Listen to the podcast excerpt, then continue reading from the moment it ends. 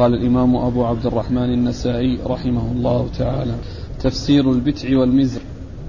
قال أخبرنا سويد قال أخبرنا عبد الله عن الأجلح قال حدثني أبو بكر بن أبي موسى عن أبيه رضي الله عنه أنه قال بعثني رسول الله صلى الله عليه وآله وسلم إلى اليمن فقلت يا رسول الله إن بها أشربة فما أشرب وما أدع. قال وما هي؟ قلت البتع والمزر. قال وما البتع والمزر؟ قلت أما البتع فنبيذ العسل وأما المزر فنبيذ الذرة. فقال رسول الله صلى الله عليه وآله وسلم لا تشرب مسكرا فإني حرمت كل مسكر. بسم الله الرحمن الرحيم. الحمد لله رب العالمين وصلى الله وسلم وبارك على عبده ورسوله نبينا محمد وعلى آله وأصحابه أجمعين. أما بعد يقول النسائي رحمه الله تفسير البتع وال وال والمزر. آه البتع والمزر اسمان لأشربة معروفة في اليمن وقد جاء تفسيرها في كلام أبي موسى الأشعري رضي الله عنه حيث سأل رسول الله صلى الله عليه وسلم عن أشربة في اليمن وكان قد بعثه إلى اليمن فقال ما أن بها أشربة فما أشرب وما أدع. قال وما هذه الأشربة؟ فذكر منها البتع والمزر فقال ما البتع وما المزر؟ فقال أما البتع فهو عصير فهو, فهو عصير فنبيذ فهو نبيذ فهو نبيذ نبيذ العسل وأما المزر فهو نبيذ الذرة. فقال عليه الصلاة والسلام لا تشرب مسكرا فإني حرمت كل مسكر. هذا ال هذا ال الحديث فيه تفسير البتع والمزر ببيان أبي موسى الأشعري رضي الله عنه لتلك الأسماء التي كانت في اليمن لتلك الأشربة المعينة. ولما سأل أبو موسى الأشعري رضي الله عنه رسول الله صلى الله عليه وسلم عن الأشربة التي منها البتع والمزر قال له الرسول صلى الله عليه وسلم وما البتع وما المزر؟ ففسر ذلك وبينه له على ما هو متعارف عليه ومعروف في اليمن. فالنبي صلى الله عليه وسلم قال لا تشرب مسكرا فإني حرمت حرمت كل مسكر. ففي سؤاله صلى الله عليه وسلم عن البتع والمزر دليل للقاعدة المشهورة التي يقول التي يقولون فيها الحكم على الشيء فرع عن تصوره. الحكم على الشيء فرع عن تصوره. لأن الرسول صلى الله عليه وسلم لما سئل عن البتع والمزر وهو لا يعني يعلم إيش البتع والمزر يعني فبين اصطلاحهم به وأن المقصود به نبيذ العسل ونبيذ الذرة الرسول صلى الله عليه وسلم ما قال يعني هو حلال أو حرام بل أناط الحكم بالإسكار. فما كان مسكرا منه ومن غيره فهو حرام وما كان غير مسكر منه ومن غيره فهو حلال. فأعطى حكما عاما وحدا فاصلا لما يحل وما يحرم وهو أن ما أسكر فإنه يحرم سواء كان من هذين النوعين أو من غيرهما وما لم يسكر فإنه لا يحرم سواء كان من هذين النوعين ومن غيرهما. ولهذا جاء في بعض الأحاديث التي سبق أن مرت أن الرسول صلى الله عليه وسلم لما سأله هو أو معاذ قال اشرب ولا تشرب مسكرا. اشرب ولا تشرب مسكرا. اشرب يعني الحلال واترك الحرام. اشرب ما لا يسكر واترك ما واترك ما يسكر. فإذا الرسول صلى الله عليه وسلم يعني أولا سأل عن هذه الأسماء أو هذه المسميات المقصود بها ولما بين له أنها أنبذة تكون من العسل ومن الذرة الرسول صلى الله عليه وسلم ما قال هي حلال أو حرام لأن منها ما هو حلال ومنها ما هو حرام. لأن منها ما يكون حلالا حيث لم يصل إلى حد الإسكار ومنها ما يكون حراما حيث يصل إلى حد الإسكار. فالنبي صلى الله عليه وسلم أتى بالقاعدة العامة التي هي بيان التحريم لكل مسكر منها أو من غيرها. منها أو من غيرها. يعني وما لم يسكر فإنه يكون حلالا منها أو من غيرها. ثم أيضا في هذا الحديث وفي هذا التفسير وكون النبي صلى الله عليه وسلم سأل عن البتع والمزر يعني مما يدل على أن ما جاء في بعض الروايات السابقة من أن الرسول سئل عن البتع فقال آه لا تشرب مسكرة. أو قال كل مسكر حرام. ثم وقال بعد ذلك والبتع هو النبيذ العسل. هذا يبين أي هذا الذي جاء في هذا الحديث من السؤال عن معنى البتع والمزري أن الرسول صلى الله عليه وسلم أن ما جاء في الحديث الحديث المتقدمة أنه مدرج. يعني ليس من كلام النبي صلى الله عليه وسلم. لأن النبي صلى الله عليه وسلم سأل إيش المراد بالبتع والمزر؟ فأخبر بأنه كذا وكذا. إذا ما جاء في بعض الأحاديث المتقدمة من من بيان المتع البتع والمزري أنه ليس من كلام النبي صلى الله عليه وسلم بل هو مدرج في الحديث من كلام غيره.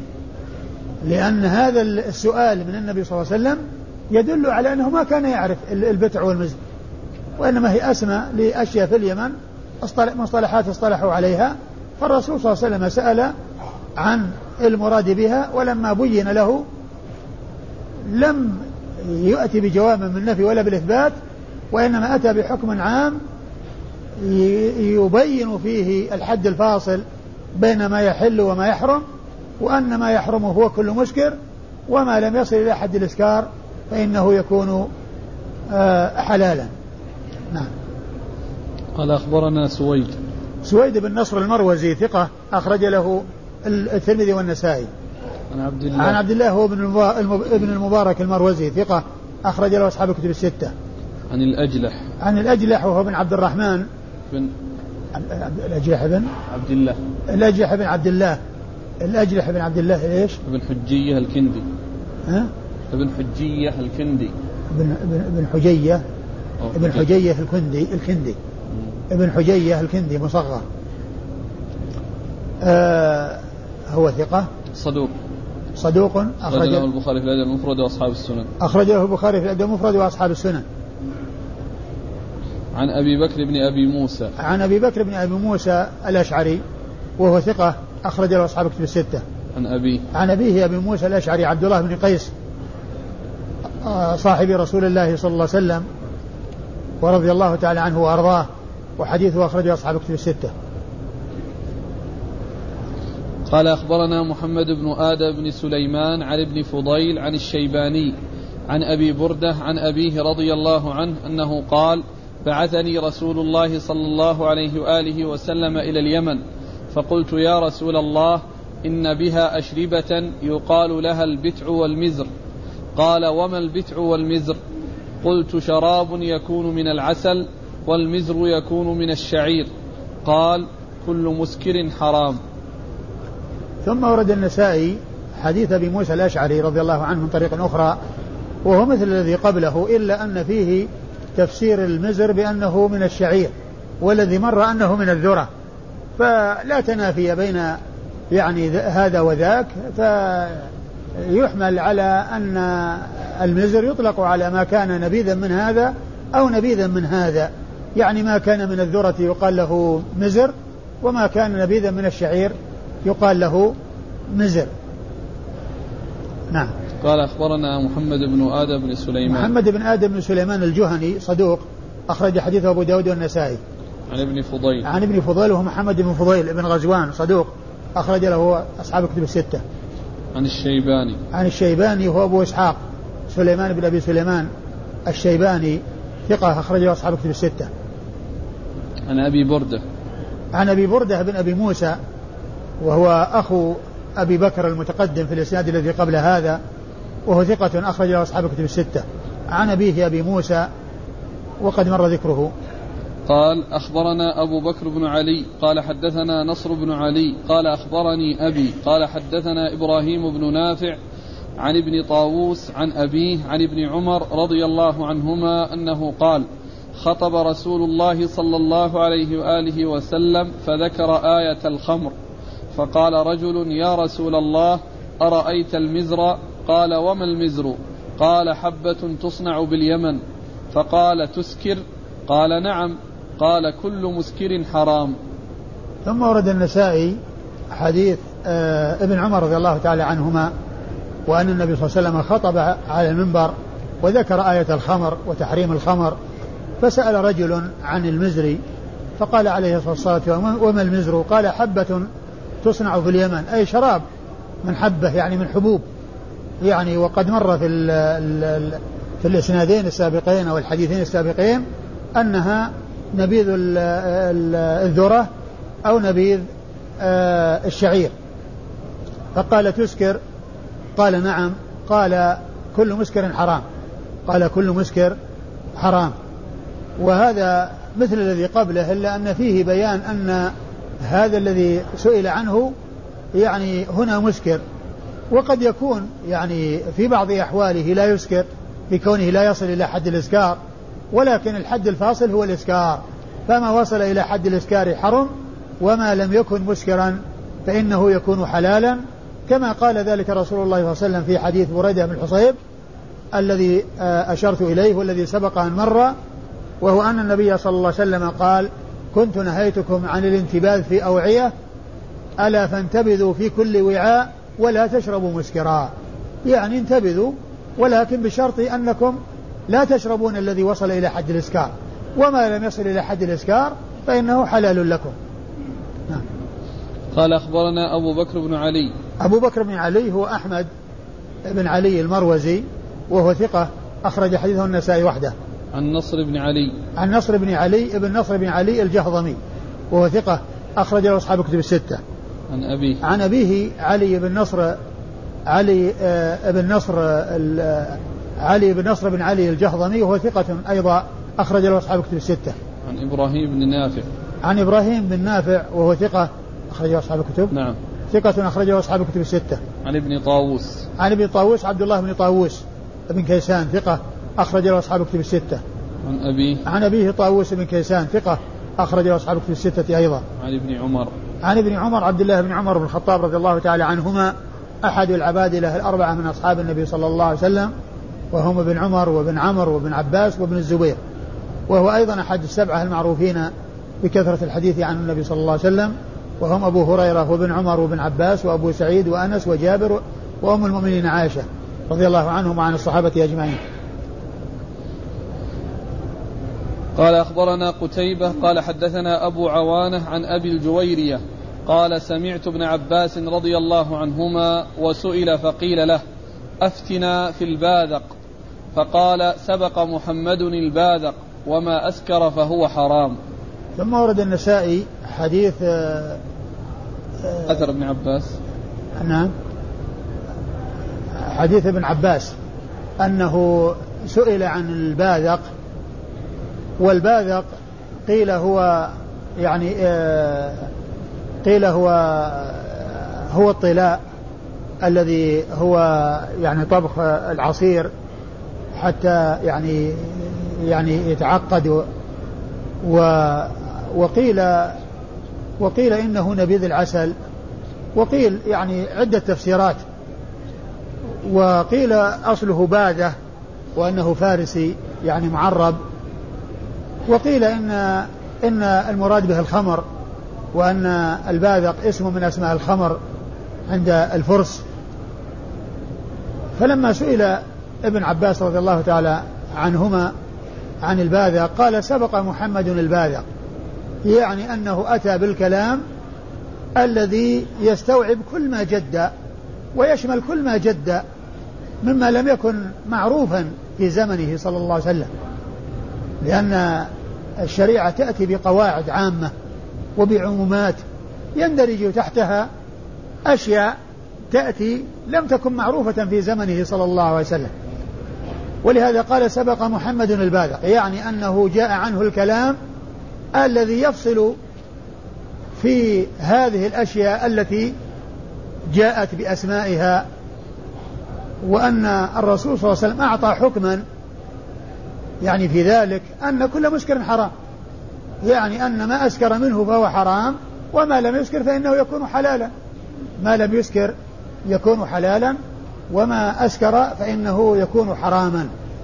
وهذا فيه إشارة أو دلالة على عموم الشريعة واتساعها واستيعابها لما يجد ويحدث من النوازل وما يحصل من الأمور التي لم تكن معروفة من قبل فإنه آه، يمكن أن يعرف حكمها بواسطة القواعد الشرعية التي جاءت بها الشريعة وكذلك بواسطة النصوص العامة التي يندرج تحتها ما كان غير معروف في زمنه صلى الله عليه وسلم. لأن الشريعة جاءت لتص... ل... ل... ل... لتكون صالحة لكل زمان ومكان ولتستوعب ما يجد من الأحكام من, من, من, من, من, الأمور التي يحتاج إلى معرفة أحكامها. فإن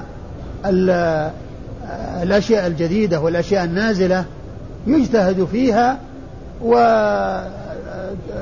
وتلحق يعني بما جاءت به الشريعة إما في قواعدها بأن تكون داخلة تحت القواعد أو بالعمومات كما في هذا الحديث حيث جاء هذا الكلام العام كل مسكر حرام وما لم يسكر فإنه يكون حلالا.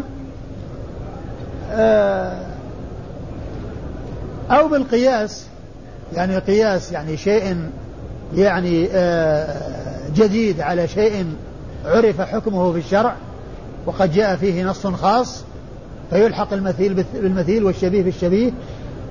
الحاصل أن هذا الحديث يدل على استيعاب الشريعة وشمولها وعمومها وأنها صالحة لكل زمان ومكان وأن كل ما يجد من النوازل ومن الحوادث يمكن أن آه، تعرف عن طريق آه، عن طريق النصوص العامة وعن طريق القواعد الشرعية العامة وعن طريق الحاق الحاق الشبيه بالشبيه والنظير بالنظير وما إلى ذلك من الطرق التي آه، تسلك لمعرفة ما يجد من النوازل لمعرفة أحكامها. قال أخبرنا قتيبة. أخبرنا قتيبة هو بن سعيد بن جميل بن طريف البغلاني ثقة أخرج له أصحاب كتب الستة. عن أبي عوانة. عن أبي عوانة الوضاح بن عبد الله اليشكري وهو ثقة أخرج له أصحاب كتب الستة. عن أبي الجويرية. عن أبي الجويرية هو حطان. نعم. حطان بن خفاف. نعم. حطان بن خفاف وهو ثقة أخرج له البخاري وأبو داود والنسائي. ثقة أخرج حديثه البخاري وأبو داود والنسائي. عن ابن عباس. عن ابن عباس عبد الله بن عباس بن عبد المطلب ابن عم النبي صلى الله عليه وسلم وأحد العباد الأربعة وأحد السبعة المعروفين بكثرة الحديث عن النبي صلى الله عليه وسلم. قال رحمه الله تعالى تحريم كل شراب أسكر كثيره.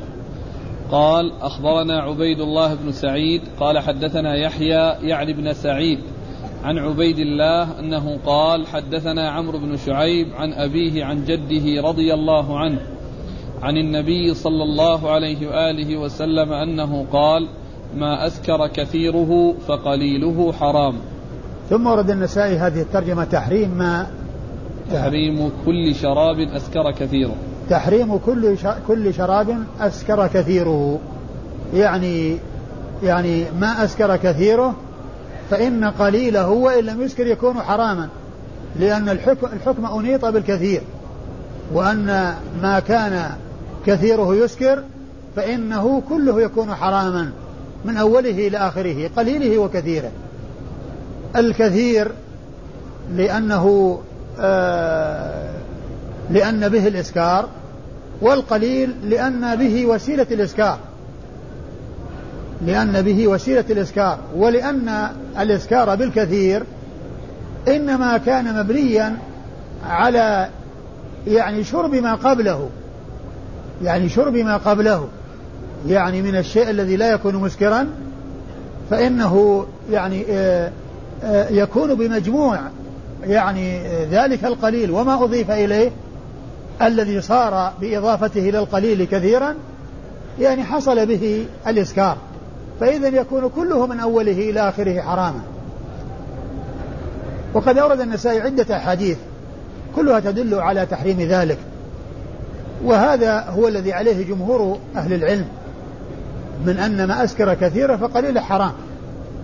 ويدل على ذلك النصوص الكثيرة الثابتة عن رسول الله صلى الله عليه وسلم في تحريم قليل ما أسكر كثيرة.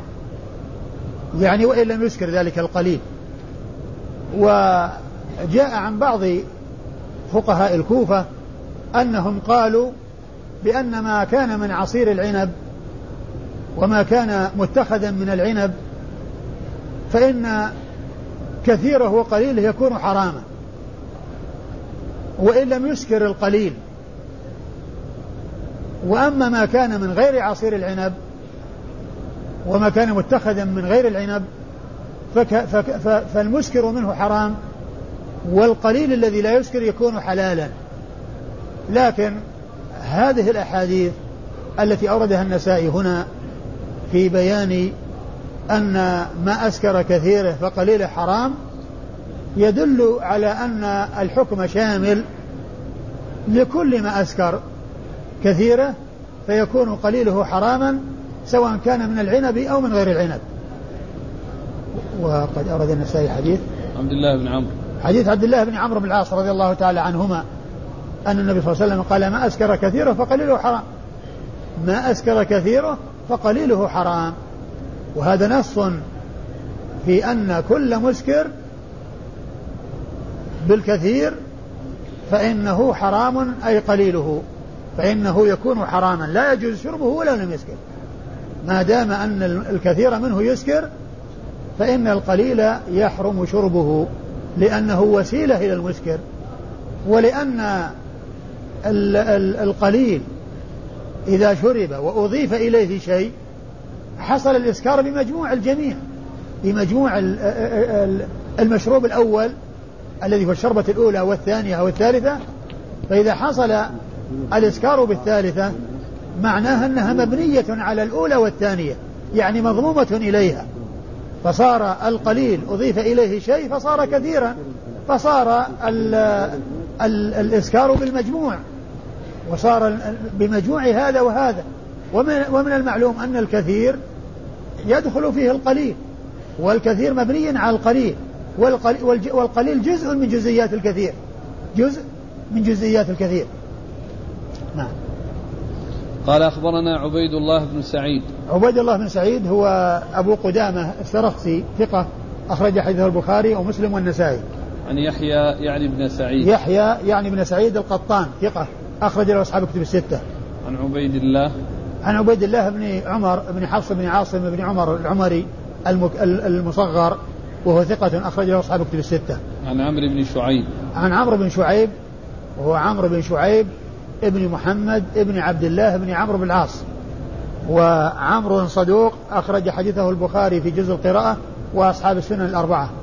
عن أبيه محمد عن أبيه شعيب بن محمد وهو صدوق أخرج حديثه البخاري في الأدب المفرد وجزء القراءة وأصحاب السنن الأربعة وهو يروي عن جده عبد الله بن عمرو بن العاص.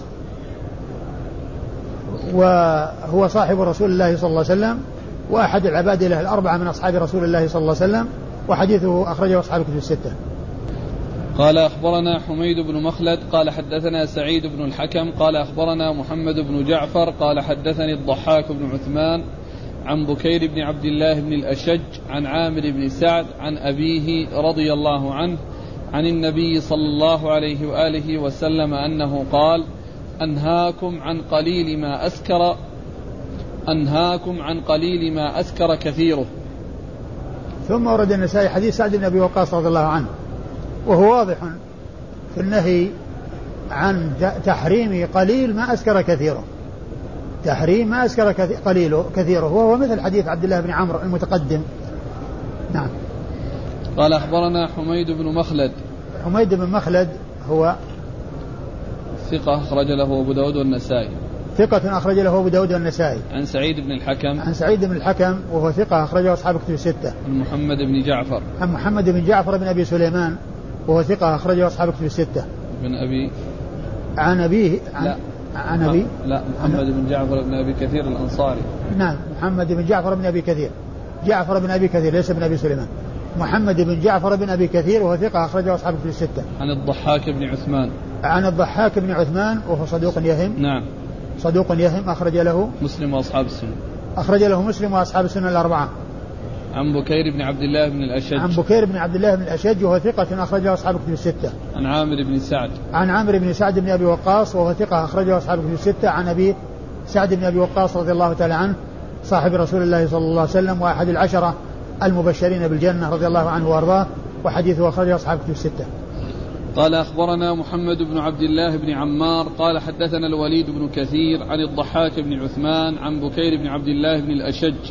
عن عامر بن سعد عن أبيه رضي الله عنه أن النبي صلى الله عليه وآله وسلم نهى عن قليل ما أذكر كثيره. ثم ورد النسائي حديث سعد بن وقاص من طريق أخرى وهو مثل ما تقدم. قال أخبرنا محمد بن عبد الله بن عمار. محمد بن عبد الله بن عمار الموصلي وهو ثقة أخرج حديثه النسائي وحده. نعم. النسائي وحده. عن الوليد بن كثير. عن الوليد بن كثير وهو مقبول أخرج حديثه النسائي وحده. النسائي وحده. عن الضحاك بن عثمان عن بكير بن عبد الله بن الأشج عن عامر بن سعد عن أبيه. وقد مر ذكر الأربعة.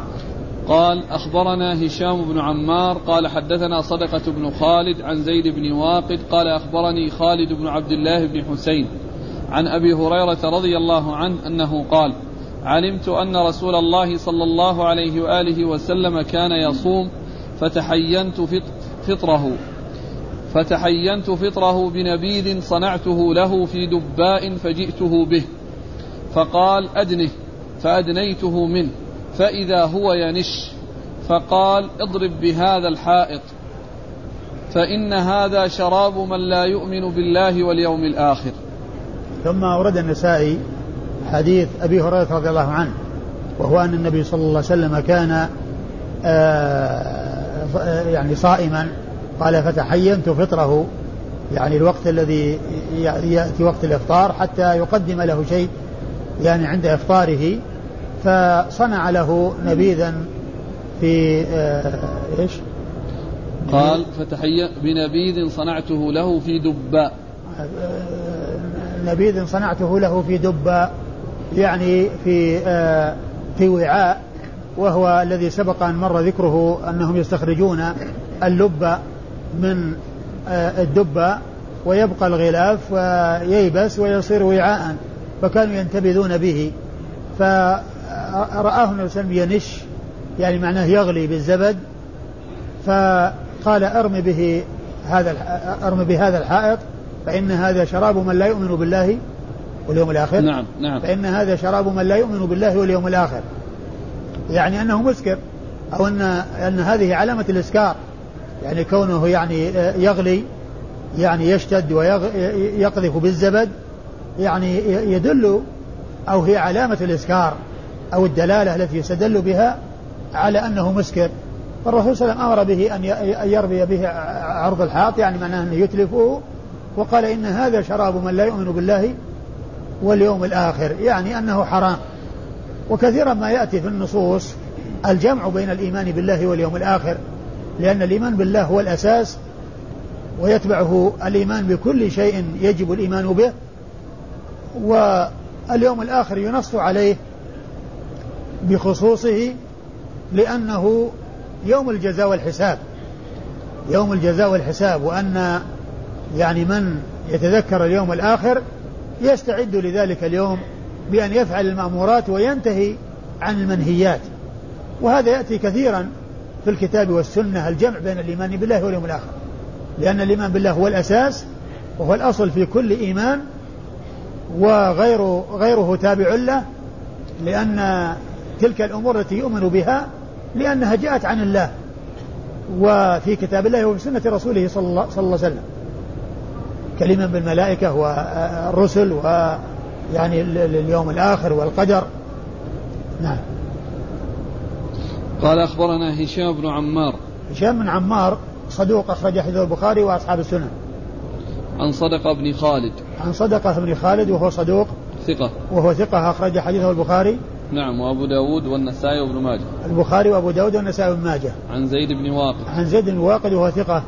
أخرج حديثه كذلك البخاري وأبو داود والترمذي والنسائي. النسائي وابن ماجه. والنسائي وابن ماجه. عن خالد بن عبد الله بن حسين. عن خالد بن عبد الله بن حسين وهو مقبول. وهو مقبول أخرج حديث النسائي. أبو داود والنسائي أخرج حديث أبو داود والنسائي وابن ماجه. عن أبي هريرة. عن أبي هريرة عبد الرحمن بن صخر الدوسي رضي الله عنه صاحب رسول الله صلى الله عليه وسلم. وأكثر أصحابه حديثا على الإطلاق. قال أبو عبد الرحمن وفي هذا دليل على تحريم السكر قليله وكثيره وليس كما يقول المخادعون لأنفسهم بتحريمهم آخر الشربة وتحليلهم ما تقدمها الذي يشرب في الفرق قبلها. ولا خلاف بين أهل العلم أن السكر بكليته لا يحدث على الشربة الآخرة دون الأولى والثانية بعدها وبالله التوفيق. هذا الكلام من النسائي رحمه, رحمه الله بعد أن ذكر الأحاديث التي فيها تحريم القليل لما أسكر كثيره. يعني هذا من من من تفقهه ومن فقهه ولكنه قليل جدا. يعني يكون النسائي يعني يأتي في شيء من الفقه ويأتي يعني بأشياء استنباطات من الأحاديث وبيان يعني أحكام. يعني هذا قليل في في عمله كما سبق أن مر بنا أن هذا من أندر ما يكون أنه يتكلم على الأحاديث في بيان فقهها. وهنا يعني بين أن يعني هذا الحديث أو هذه الأحاديث فيها دليل على تحريم كل كل تحريم القليل مما أسكر كثيره. وهذا فيه وكلامه فيه إشارة إلى أن الشربة الأخيرة لا يكون الإسكار منها وحدها حتى يكون سبقها شرب. لذلك الذي هو قليل الذي الذي يوصف بأنه قليل لا يسكر. إذا ضم إليه شيء بمجموع ذلك يحصل الإسكار. بمجموع ذلك يحصل الإسكار. لأن الشربة الأخيرة يعني لو جاءت وحدها هي مثل الأولى.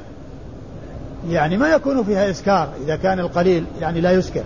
لكنها مضمومة إلى ما تقدمها يعني يكون الإسكار حصل بمجموع الجميع.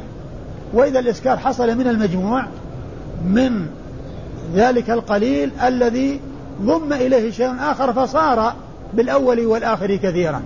فصار بالأول والآخر كثيرا. فهذا فيه إشارة إلى يعني وجه التحريم والوجه الآخر هو ما أشرت إليه أن القليل وسيلة للكثير. أن من يشرب القليل وسيلة إلى أنه يشرب الكثير. والجملة التي قال حتى الفرق إيش؟ وليس كما يقول المخادعون لأنفسهم بتحريم آخر الشربة وتحليل يعني الذي هذا إشارة إلى إلى ما جاء عن بعض فقهاء الكوفة من إباحة الشيء القليل من الشيء الذي آه، يسكر كثيره إذا كان من غير عصير العنب. إذا كان من غير عصير العنب. قال المخادعون لأنفسهم بتحريمهم آخر الشربة وتحليلهم ما تقدمها نعم الذي تحريمهم آخر شربة وتحليلهم ما تقدمها لأنه يعني آه، آه، أول شربة هذه ما تسكر فهم يحلونها ولكن هذه الشربة إذا ضم إليها شربة فإنه بمجموع الشربتين يكون الإسكار. وليس يكون التحريم الإسكار والتحريم. وليس الإسكار من الشربة الأخيرة وحدها بل منها ومما تقدمها. مما وصف بأنه قليل. لأن الشيء يعني إلى الشيء يعني يكون حكمه حكمه الشيء إذا ضم إلى الشيء يعني يكون الحكم بالجميع. يعني وليس بتفريق هذا وأن هذا لا يسكر وهذا يسكر لأن هذا الذي يسكر ما جاء إلا لسبقه لاستعمال القليل الذي لا يسكر. لسبقه لاستعمال القليل الذي لا يسكر. ثم قال وتحليلهم ما تقدمها الذي يشرب في الفرق قبلها. الذي هنا كلمة الذي يشرب في الفرق قبلها يعني مثل ما قال المحشي الذي في السنة الكبرى يسري في العروق قبلها. يعني معناه الذي كان أول يسري في العروق. وليس المقصود بالفرق لأن الفرق هو يعني شيء كبير. وإنما هنا يعني بدل يشرب في الفرق يعني معناه مصحفة عن يسري في العروق. يعني وموجودة في السنة الكبرى يعني بدل يشرب في الفرق يسري في العروق. فيكون تصحيفا وهذا هو الذي يناسب المقام لأن الفرق يعني وعاء كبير.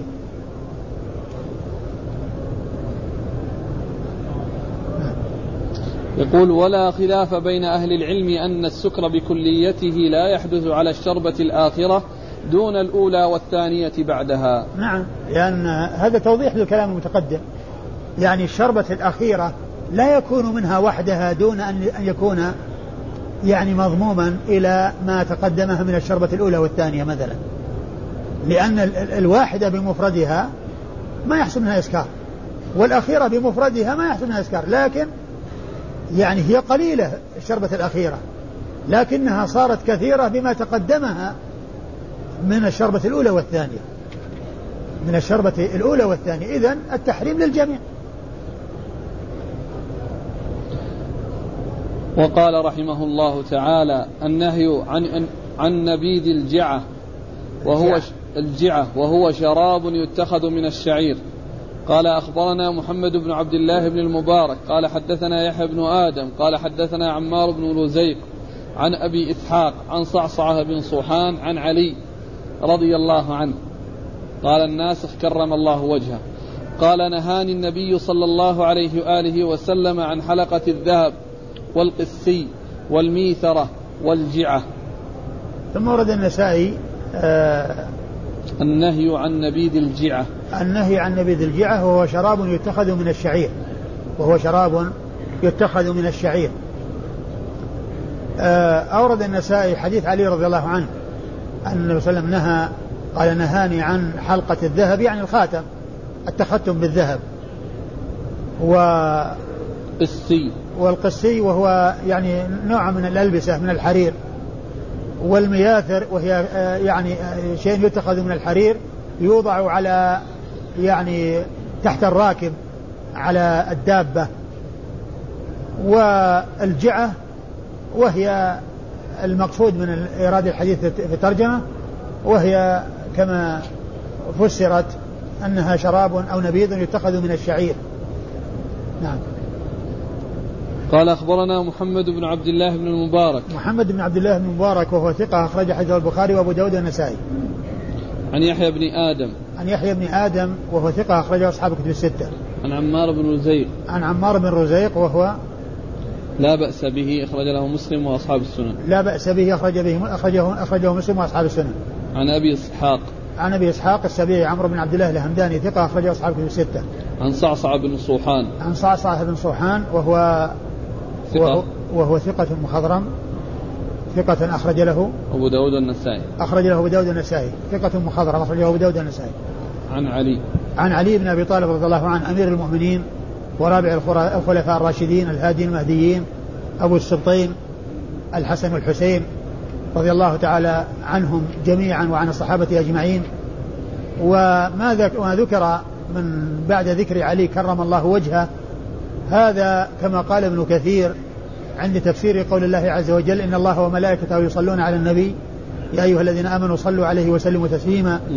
قال إنه يأتي آه، في عند بعض النساخ عند النساخ عند نساخ الكتب أنهم عندما يأتي ذكر علي يقولون عليه السلام ويقولون كرم الله وجهه.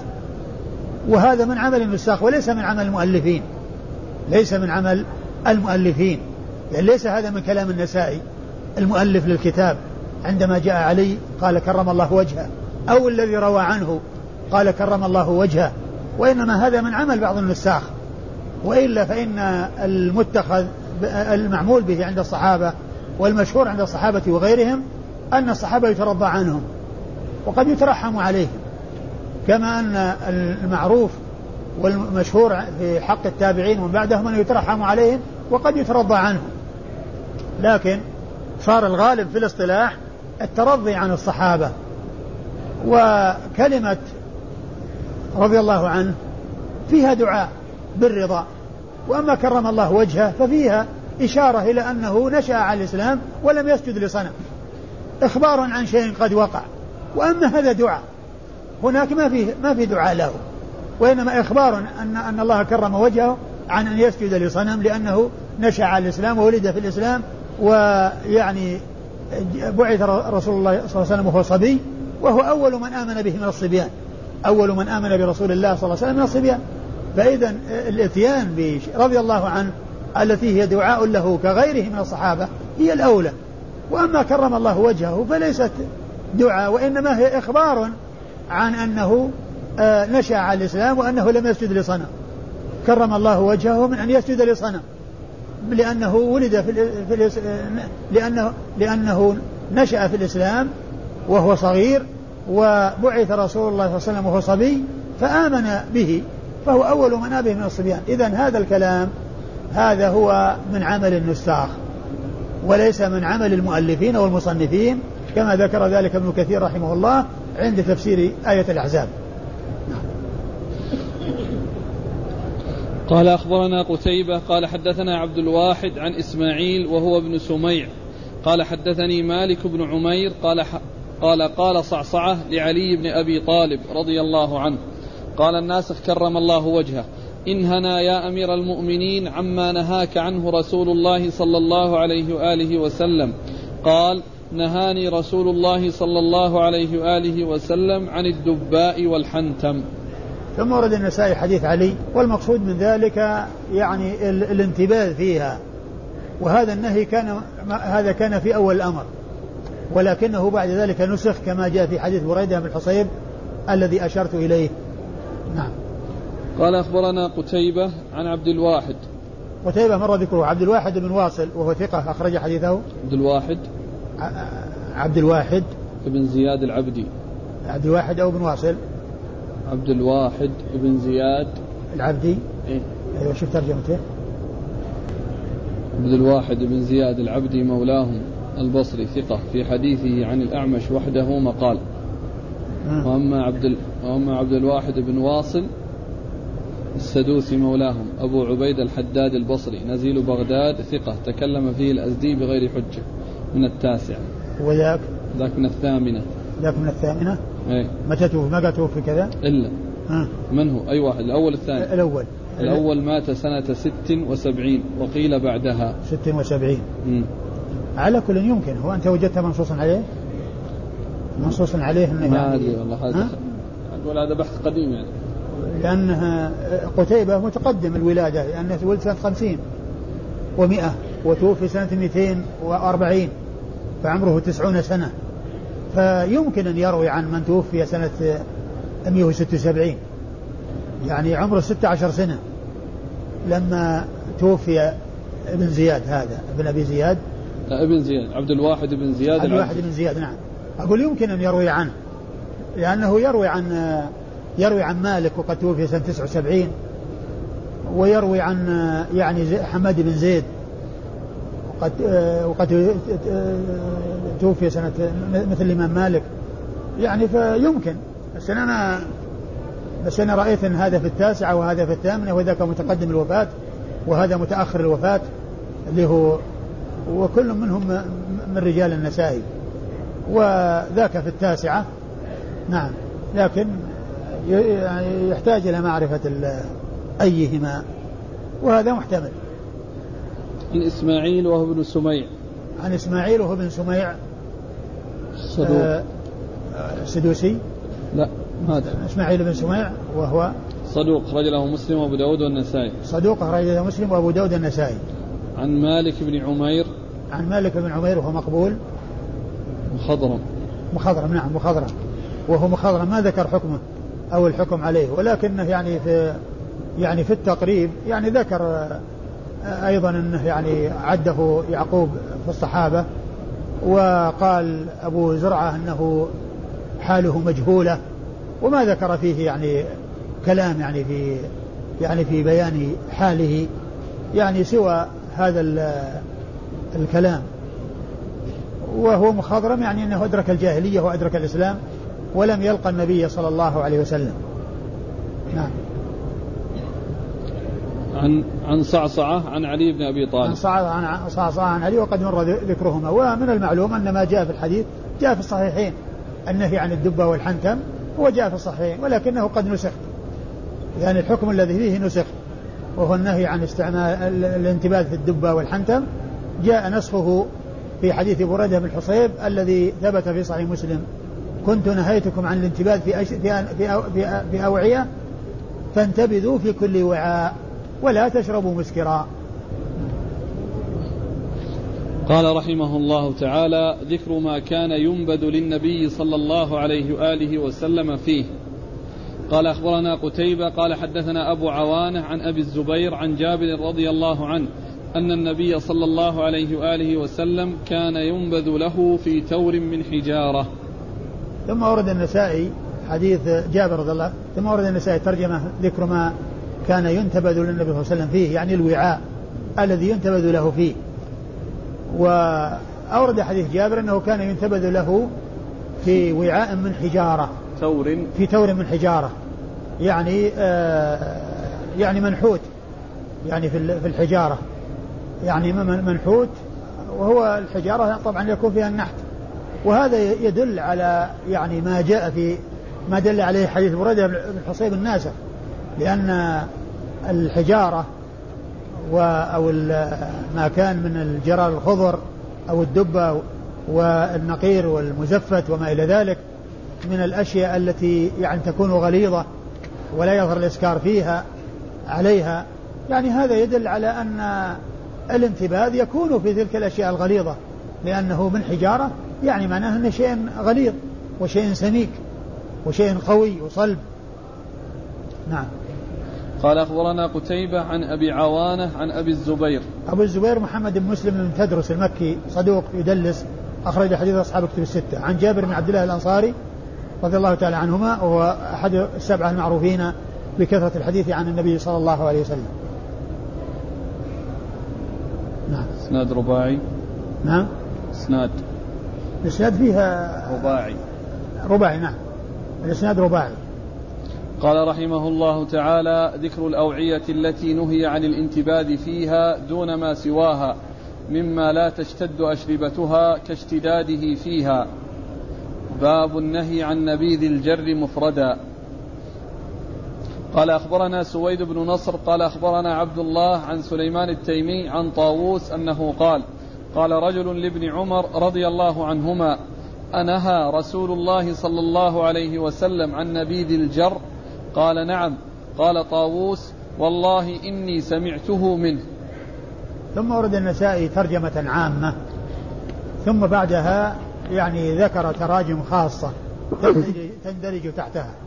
فأتى بذكر الأوعية التي نهي عن الانتباذ فيها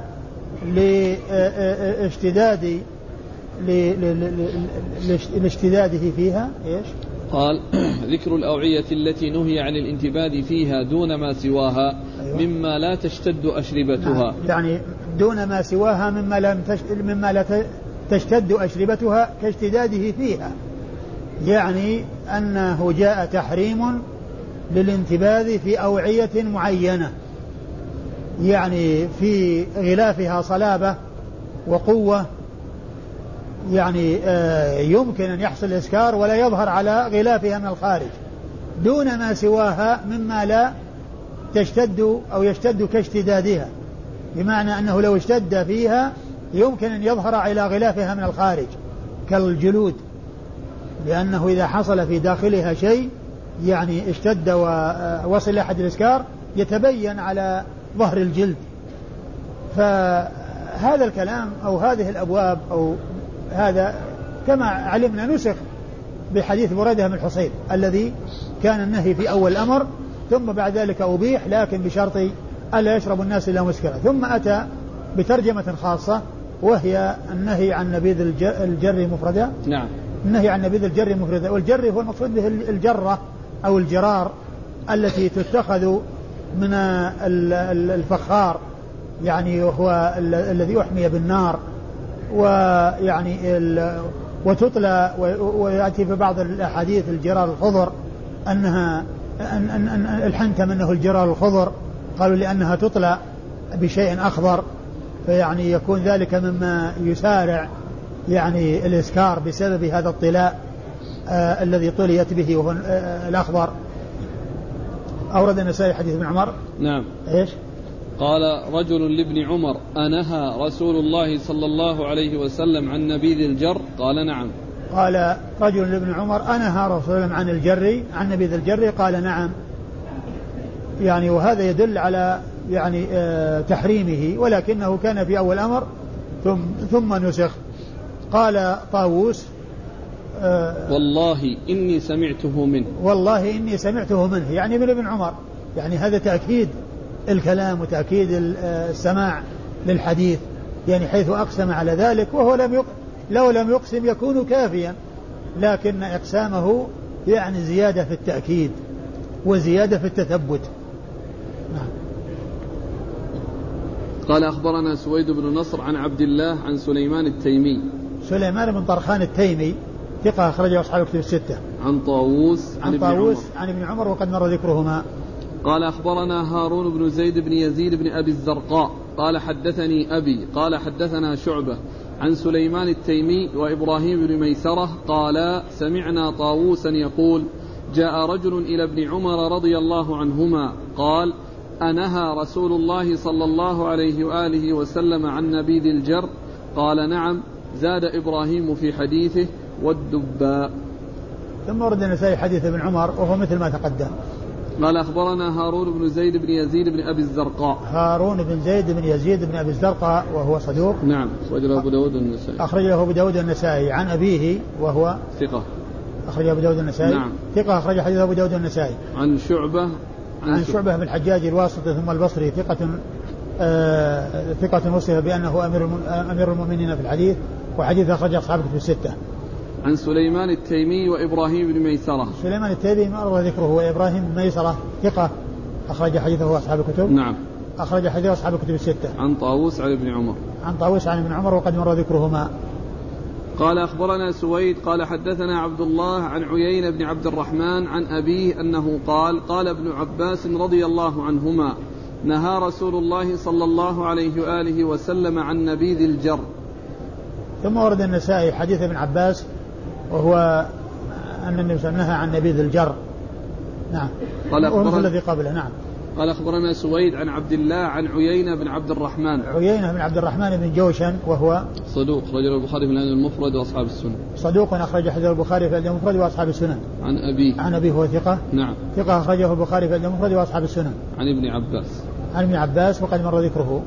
قال أخبرنا علي بن الحسين قال حدثنا أمية عن شعبة عن خالد بن سحيم عن خالد عن جبلة. عن جبلة بن سحيم عن ابن عمر رضي الله عنهما أنه قال نهى رسول الله صلى الله عليه وسلم عن الحنتم. قلت ما الحنتم؟ قال الجر. ثم أورد النسائي حديث ابن عباس. حديث ابن عمر. حديث ابن عمر يعني من طريق أخرى وأن النبي نهى عن الحنتم وسئل عن الحنتم ما هو؟ قال الجر. وهي يعني جرار يعني تصنع من الفخار أو تتخذ من الفخار. نعم. قال أخبرنا علي بن الحسين. علي بن الحسين الدرهمي وهو صدوق خرج أبو داود النسائي صدوق أخرج حديث أبو داود والنسائي. عن أمية. عن أمية بن خالد القيسي عن أمية بن خالد. أخو هدبة بن خالد وهو صدوق خرج له مسلم وأبو داود والترمذي والنسائي. صدوق أخرج أخرج له مسلم وأبو داود والترمذي والنسائي. عن جبل بن سحيم. عن جبل بن سحيم وهو ثقة أخرج أصحاب الكتب. ثقة أخرجه أصحاب الكتب الستة. عن ابن عمر. عن ابن عمر وقد مر ذكره. قال أخبرنا محمد بن عبد الأعلى قال حدثنا خالد قال حدثنا شعبة عن أبي مسلمة قال سمعت عبد العزيز عن أبي, أبي عن أبي؟ مسلمة. قال سمعت عبد العزيز يعني ابن أسيد الطاحي بصري يقول سئل ابن الزبير رضي الله عنهما عن نبيذ الجر قال نهانا عنه رسول الله صلى الله عليه وآله وسلم. ثم ورد النسائي حديث عبد الله بن الزبير وهو مثل حديث ابن عمر وابن عباس المتقدمين. أيوة. قال أخبرنا محمد بن عبد الأعلى. محمد بن عبد الأعلى الصنعاني وهو ثقة أخرج حديث مسلم وأبو داود في القدر والترمذي والنسائي بن ماجه عن خالد عن خالد بن الحارث البصري ثقة أخرج له أصحاب الكتب الستة. عن شعبة عن أبي مسلمة. عن شعبة وقد مر ذكره عن أبي مسلمة وهو سعيد بن يزيد الأزدي. سعيد بن يزيد الأزدي وهو ثقة أخرج له أصحاب الكتب. ثقة أخرج له أصحاب الكتب الستة. عن عبد العزيز يعني بن أسيد الطاحي. عن عبد العزيز يعني بن أسيد الطاحي. نعم. وهو مقبول أخرج له النسائي. وهو مقبول أخرج حديثه النسائي وحده. عن ابن الزبير. عن ابن الزبير عبد الله بن الزبير عبد الله بن الزبير بن العوام رضي الله تعالى عنهما وهو أحد العبادلة الأربعة من أصحاب النبي صلى الله عليه وسلم وحديثه أخرجه أصحاب الكتب الستة قال أخبرنا أحمد بن عبد الله بن علي بن, سو بن سويد بن منجوف قال حدثنا عبد الرحمن بن مهدي عن هشام بن أبي عبد الله عن أيوب عن سعيد بن جبير أنه قال سألنا ابن عمر رضي الله عنهما عن نبيذ الجر فقال حرمه رسول الله صلى الله عليه وآله وسلم. فأتيت ابن عباس فقلت سمعت اليوم شيئا عجبت منه. قال ما هو؟ قلت سألت ابن عمر رضي الله عنهما عن نبيذ الجر فقال حرمه رسول الله صلى الله عليه وآله وسلم. فقال صدق ابن عمر. قلت ما الجر؟ قال كل شيء من مدر. ثم ورد النسائي آه، حديث ابن عمر وابن عباس رضي الله تعالى عنهما وهو مثل ما تقدم. قال أخبرنا أحمد بن عبد الله بن علي بن سويد بن منجوف. وهذا آه، وهو, وهو ثقة؟ صدوق. صدوق أخرج حديثه. البخاري وأبو داود والنسائي. صدوق أخرج حديثه البخاري وأبو داود والنسائي. وقد سبق المرة في الدرس الماضي يعني الرجل هذا ومعه آه، وجاء ذكر آه، أحمد بن عبد الله بن علي. بعده. نعم. وقلنا هل هو هذا أو المصيصي؟ وبالرجوع إلى ترجمة المصيصي آه، ذكر الحافظ بن حجر أنه لم يقل أن المزي ذكر أنه من شيوخه من شيوخ النسائي وقال لم نقف على روايته عنه. يعني مما يبين أن المقصود بأحمد بن علي بن أحمد أحمد بن عبد الله بن علي أنه هو المتقدم اللي هو المنجنوفي. المنجنوفي وعلى هذا ف آه، يعني يكون يعني آه، هذا الذي آه، لم يذكر نسبه كاملا فقيل أحمد بن عبد الله بن علي يكون هو المنجنوفي وليس المصيصي. لأن يعني المصيصي يقول الحافظ بن حجر لم نقف على قال ذكره المزي ذكره ابن عساكر في في شيوخ النبل قال ولم نقف على روايته عنه. صدوق أخرج له البخاري وأبو داود والنسائي. نعم صدوق أخرج له البخاري وأبو داود والنسائي نعم. عن عبد الرحمن بن مهدي. عبد الرحمن بن مهدي ثقة أخرج أصحاب في الستة. عن هشام بن أبي عبد الله. عن هشام بن أبي, بن أبي عبد الله الدستوائي ثقة أخرج أصحاب في الستة. عن أيوب. عن أيوب بن أبي تميم السختياني ثقة أخرج أصحاب في الستة. عن سعيد بن عن سعيد بن جبير ثقة فقيه أخرج أصحاب في الستة. عن ابن عمر وابن عباس. عن ابن عمر وابن عباس وقد مر ذكرهما. أحسن الله إليك في تحفة الأشراف. ساق هذا السند لكن بغير هذا الطريق أي هذا الذي معنا أي. قال المزي في تحفة الأشراف عن هشام بن أبي عبد الله ثم قال عن يحيى بن أبي كثير عن يعلى بن حكيم الثقفي عن سعيد بن جبير عنه به أي. فما ذكره من طريق أيوب عن سعيد إنما ذكره عن يحيى بن أبي كثير عن يعلى بن حكيم عن سعيد إيه. وتحفة وسنن الكبرى ما رأيتموها؟ لا ما نظرت إيه. على كل لا أدري إيش إيش الواقع قال أخبرنا عمرو بن زرارة قال قال أخبرنا إسماعيل عن أيوب عن رجل عن سعيد بن جبير قال أنه قال كنت عند ابن عمر رضي الله عنهما فسئل عن نبيذ الجر فقال حرمه رسول الله صلى الله عليه وسلم وشق علي لما سمعته فأتيت ابن عباس رضي الله عنهما فقلت إن ابن عمر سئل عن شيء فجعلت أعظم أعظمه. قال ما هو؟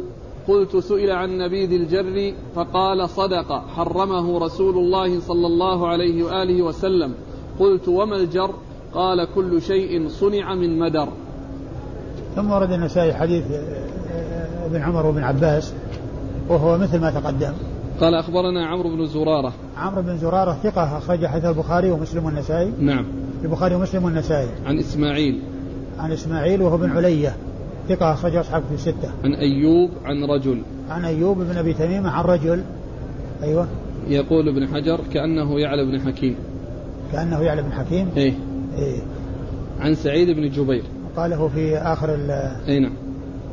يعلى بن حكيم وش وش قال فيه؟ يعلى بن حكيم الثقفي ثقة أخرج له أصحاب الكتب إلا الترمذي.